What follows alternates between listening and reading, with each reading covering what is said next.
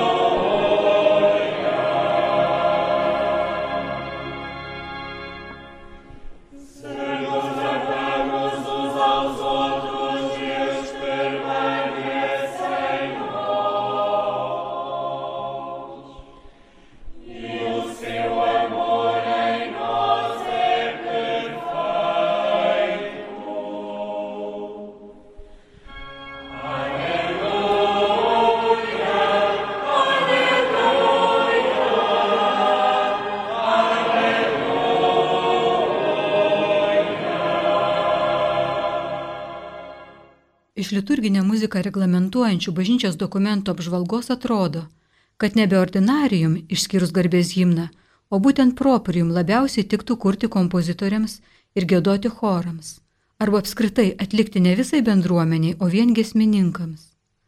Tokio mišių kintamųjų dalių atlikimo galimybės glaudžiausiai susijęs su grigališko choralo ir scholė kantorum padėtimi po liturgijos reformos. Diskusijos dėl choralo ir jo gėdotojų be kita ko atskleidžia ir proprium dalių kilmę ir jų atlikimo būdų raidą. Tuos pačius principus pagal analogiją galima taikyti ir vėlesniai, daugia balsiai autoriniai mišių kintamųjų dalių kūrybai. Jais remtis, kuriant naują liturginę muziką bei funkciniu aspektu ją vertinant.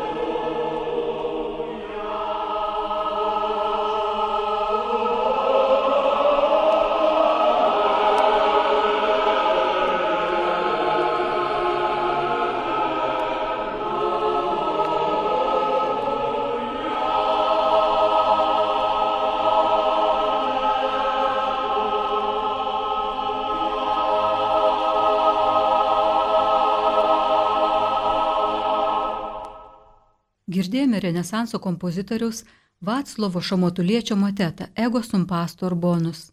Aš gerasis ganytojas, aš pažįstu savasias avis ir manosios pažįsta mane. Kaip žinome iš bažnytinės muzikos rūšių, vienintelis grigališkasis choralas apriepia visus bei šimties liturginius tekstus. Jis ir šiandien tebe laikomas Romos katalikų bažnyčios liturgijai savita būdinga muzikinė raiška kuris skirtingai nuo vėlesnės kūrybos neiškraipo apieigų tiekmės. Bet po liturgijos reformos, kurios viena užduočių yra į apeigas labiau įtraukti bendruomenę, įsiplėškė ginčiai, ar senieji tradiciniai ordinarium ir proprium atitinka atnaujintų apieigų prasme ir tikrą gėdojimo prigimtį, ar nebetitinka. Į šį klausimą buvo atsakoma įvairiai, tačiau istoriniai choralo tyrinėjimai padėjo geriau suprasti atskirų gėdojimų kilmę ir nepaliko abejonių, jog visa savo apimtimi choralas nebuvo ir negalėtų tapti bendruomenės gėdojimu. Ispanų kunigo ir muzikologo Ichinijo Anglės žiniomis visas samburis niekada negėdojo antrojto, trakto ar ofertorijaus, nebent komunijos antifoną. Todėl Jozefo Želino teorija, esą choralas kilęs iš psalmodijos, tik sutrumpinus eilutes ir išplėtus antifonas, kurios vėliau virto proprium dalimis, kritikuotina kaip istoriškai nepagrįsta. Tad ir liturginė reforma negali siekti, kad visada refreniniu būdu mišių proprium dalis gėdotų žmonės. Tuo ir austrų muzikas kunigas Peteris Paulas Kasparas aiškina nesėkmingus bandymus 20-ojo amžiaus pirmoje pusėje atgaivinti choralą kaip bendruomenės gėdojimą. Taip pat reikėtų apsvarstyti, kokią praeitį, kokio amžiaus apeigas norime rekonstruoti atnaujindami liturgiją. Juk ankstyvosios bažnyčios gėdojimai buvo riboti dėl persekiojimo ir natūraliai suklestėjo krikščionims gavus laisvę. Be to, tyrinėjant šaltinius, buvo atrasta vietinių choralo tradicijų įvairovė. Tad kilo ir klausimas, ar verta absoliutinti unifikuotą, oficialų grigališko choralo variantą arba vienintelį jo atlikimo būdą. Taigi iš tyrimų ir svarstymų aiškėja, jog visa savo apimtimi grigališkas choralas nebuvo ir nebus visos bendruomenės gėdojimas. Daugelį jo savybių galima pasiremti, kuriant naujas kompozicijas ir bendruomenės giesmės. Apie tai parašyta ne vienas straipsnis. Choralas puoselėtinas, net ir kitų bažnyčios narių veiklaus dalyvavimo sąskaita. Bet atnaujintoje liturgijoje jis nebedominuos.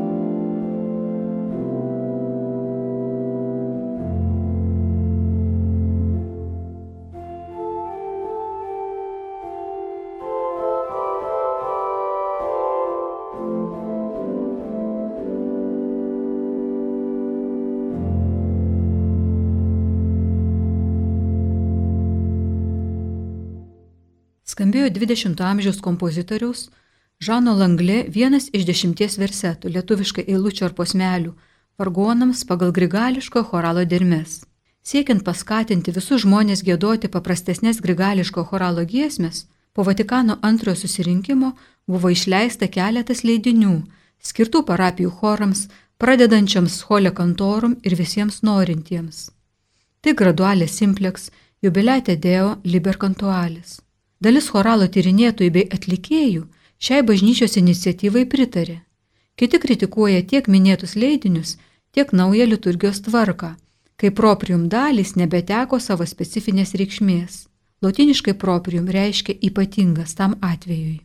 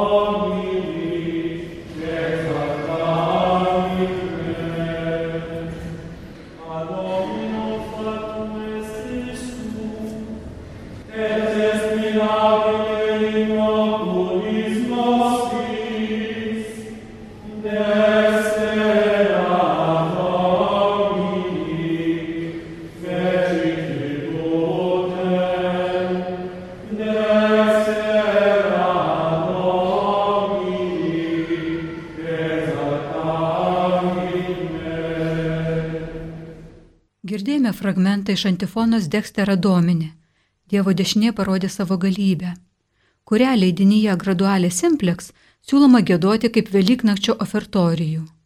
Kadangi joje priegesmis nuolat kaitoma su psalmodija, kaip įprastai būna komunijos gėdojime, šią antifoną galima gėdoti kiek reikia, užbaigiant priegesmiu. Palyginkime su tradiciniu grigališku Velyknakčio ofertorijumi Dexterą Dominį. Dievo dešinė parodė savo galybę, Dievas dešinę savo pakėlė. Aš nemirsiu, gyvensiu ir skelbsiu viešpaties darbus.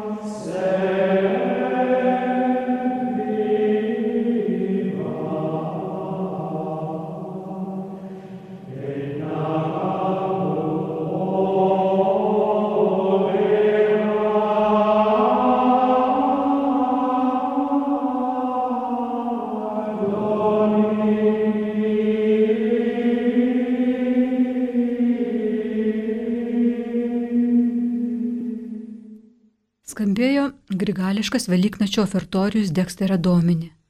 Naujoji gradualė Simplex pasiūlyta antifona, kurią prieš tai girdėjome, į šį ofertorijų nepanaši nei melodija, nei derme, nei nuotaika, tik žodžiai iš tos pačios psalmės. Gesminas gradualė Simplex ne tik daugelį mišių gesmių pasiūlė atlikti antifoniškai, kai trumpas nesudėtingas priegesmis gėdamas pramaišiui su psalmodija bet ir leido anksčiau kas sekmadienį besikeitusius proprium gėdojimus pakeisti vienu ar dviem trim liturginio laikotarpio gėdojimais. Šitokiu būdu ypatingasias dalis paversdamas tarsi ordinarinėmis ir atmesdamas autentišką mišių muziką ir tekstus.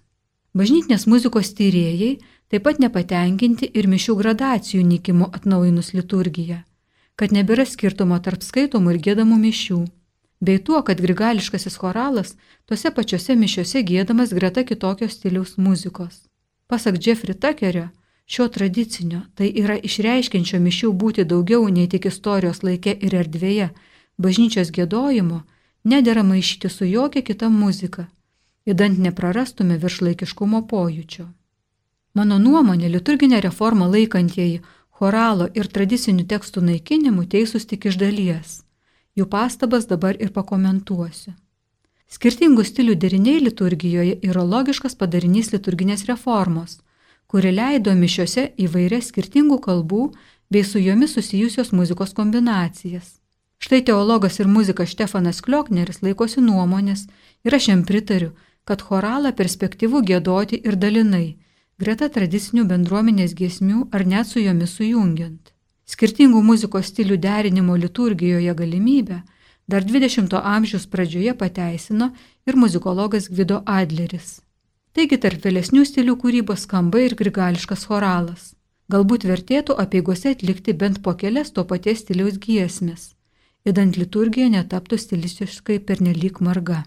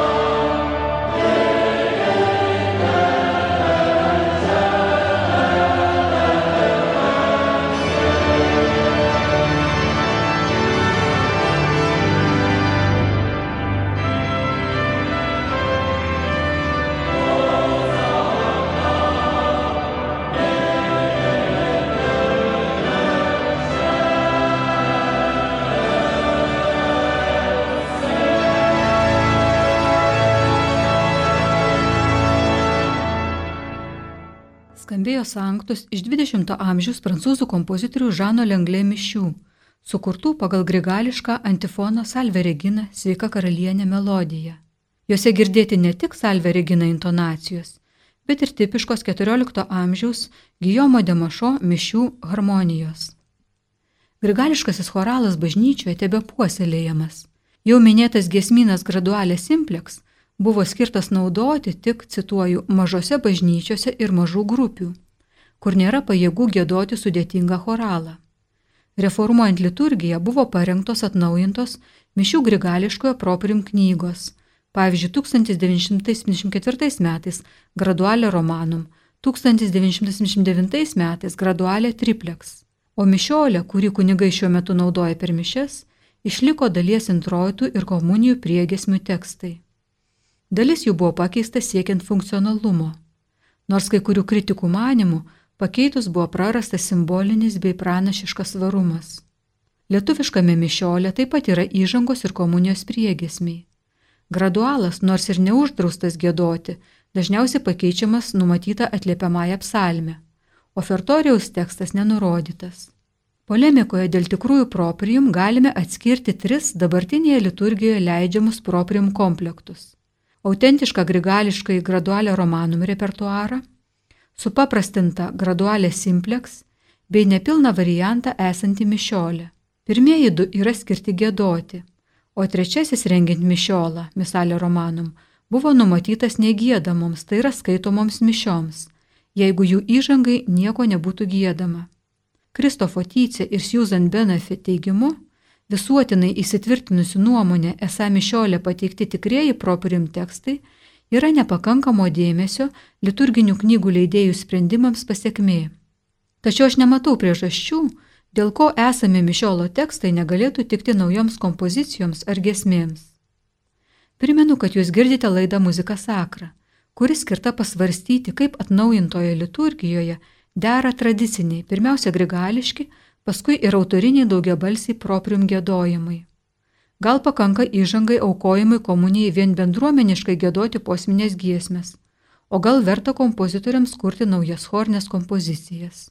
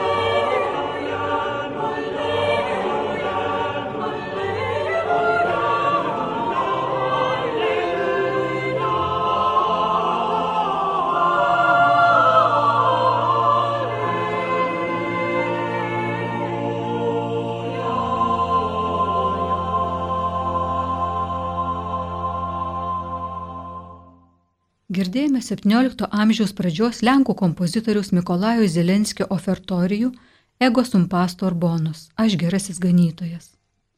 Atnaujinus liturgiją, vadinamųjų proprium dalių, įžangos aukojimo komunijos, kaip ir skaitinių parinkimą gali lemti ne vienintelis nurodytas, bet ir kiti ypatingumai, kaip antai dalyvaujančios bendruomenės specifika, mišių skaitinių ar pagrindinė homilijos mintis, mišių intencija, konkretaus gėdojimo tikslas. Be to, proprium dalių ypatingumas pirmiausia atsiskleidžia per tekstą, kuris, jei yra lotyniškas šios kalbos nemokančiai bendruomeniai, tampa tik formalumu, skirtų veikiau pilną apimtimi išsaugoti grigališko choralo repertuarą ar kitą muzikos paveldą, nei bendruomeniai suprantamai perteikiant Dievo žodį atspindėti konkrečių mišių savitumą. O mišių gradacijų nikimą, tai yra gėdamų ir skaitomų mišių niveliacija, tiesiog nulėmė muzikos kultūros visuomenėje ir kunigų seminarijose nuosmukis, kurio neįmanoma sustabdyti vieni sakymais, bei lankstesnio mišių gradavimo ieškojimai, kitaip grupuojant mišių giesmės. Daugelie 20-ojo amžiaus pabaigoje publikuotų liturginiam gėdojimui skirtų leidinių ar straipsnių, užuot liturginius gėdojimus klasifikavus į recitaciją, kunigo maldas, kunigo ir tikinčių dialogus, ordinarium ir proprium, jie skirstomi pagal atlikimo būdą į psalmodiją, himnus, posminės giesmės ir bendruomenės šūksnius. Šiai grupiai greta atliepų kunigui priskiriant ir aleliuja sanktų skyryje. Arba pagal liturgijos veiksmą. Į veiksmą palydinčias giesmės. Pirmoji įžangos giesmė, Evangelijos giesmė, aukojimo giesmė, agnusdėjai, komunijos, užbaigos giesmės. Ir savarankiškas giesmės. Įžanga antroji, jau atėjus prie altoriaus, salmė, tikėjimo išpažinimas, atgaila kyryje, šlovinimas glorija, aleliuja, sanktus, padėka po komunijos. Liturgijos specialistai apskritai nurodo šiuos galimus gėdojimo skirstimo aspektus. Pirma, pagal funkciją, antra, pagal formą ir trečia, pagal turinį. Pagal funkciją giesmės gali būti veiksmą palydinčios arba turinčios savo paskirtį. Pagal formą jos gali būti atviros formos ir įvairios trukmės, tai litanijos, psalmodė, posminės bei formulinės melodijos giesmės arba uždaros teksto bei muzikos formos, kaip kad glorija, kredo sanktus, nors pasitaiko teksto ir muzikos formos nesutapimų. Pavyzdžiui, kyriai ir agnusdėjai tekstas atviras, o muzika gali būti uždaros formos. Pagal turinį giesmės skirstytinos į vis kintančio teksto proprium ir stabilaus teksto ordinarium, bet šis skirstimas po reformos nelabai betinka – nes išsiplėtė proprium tekstų pasirinkimas.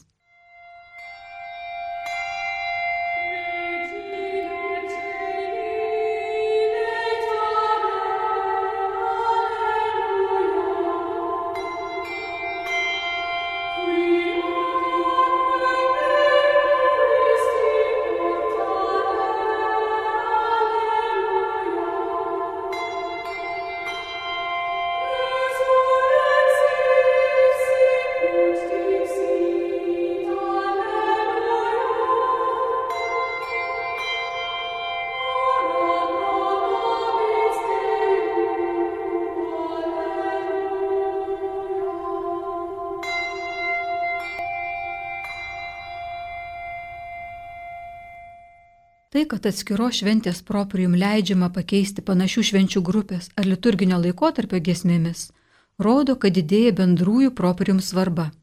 Tai naudinga dviejopai. Pirma, tik tokio pobūdžio proprium, pavyzdžiui, visą liturginį laikotarpį kartojamas tas pačias giesmės, gali išmokti gėdoti sekmadienį susirenkanti bendruomenė. Antra, atsiveria platesnės perspektyvos kompozitoriams. Jų kūriniai pagal bendrųjų proprium lietuviškus ar latiniškus tekstus ar jų parafrazes per liturginius metus gali būti atliekami daug dažniau negu iki liturgijos reformos. Leidus proprium pakaitalus, apieigose tapo įmanoma atlikti ir tinkamos nuotaikos religinę muziką pagal biblinius neliturginius ar kitokius religinius, neprieštaraujančius katalikų tikėjimo tiesoms tekstus. Muzikologo Roberto Lybrando teigimu, Vokietijoje 20-ojo amžiaus antroje pusėje gausėjo katalikiškos bažnytinės kūrybos alternatyvių kanoniniam tekstu, taip pat proginių giesmių, himnų, psalmių, motetų, solo kompozicijų. Negausų šio laikinių lietuvių autorių religiniai kūriniai taip pat dažniausiai netitinka autentiškų liturginių proprium. Tačiau surasti jiems vietą apieigose įmanoma, jei tik muzikos stilius dera bažnyčiai. Tuo ir baigiu šią muziką sakrą laidą. Ja parengė ir vedė muzikologė bažnyčios vargonininkė Danutė Kalavinskaitė, Lietuvos muzikos ir teatro akademijos dėstytoja. Sudėjau.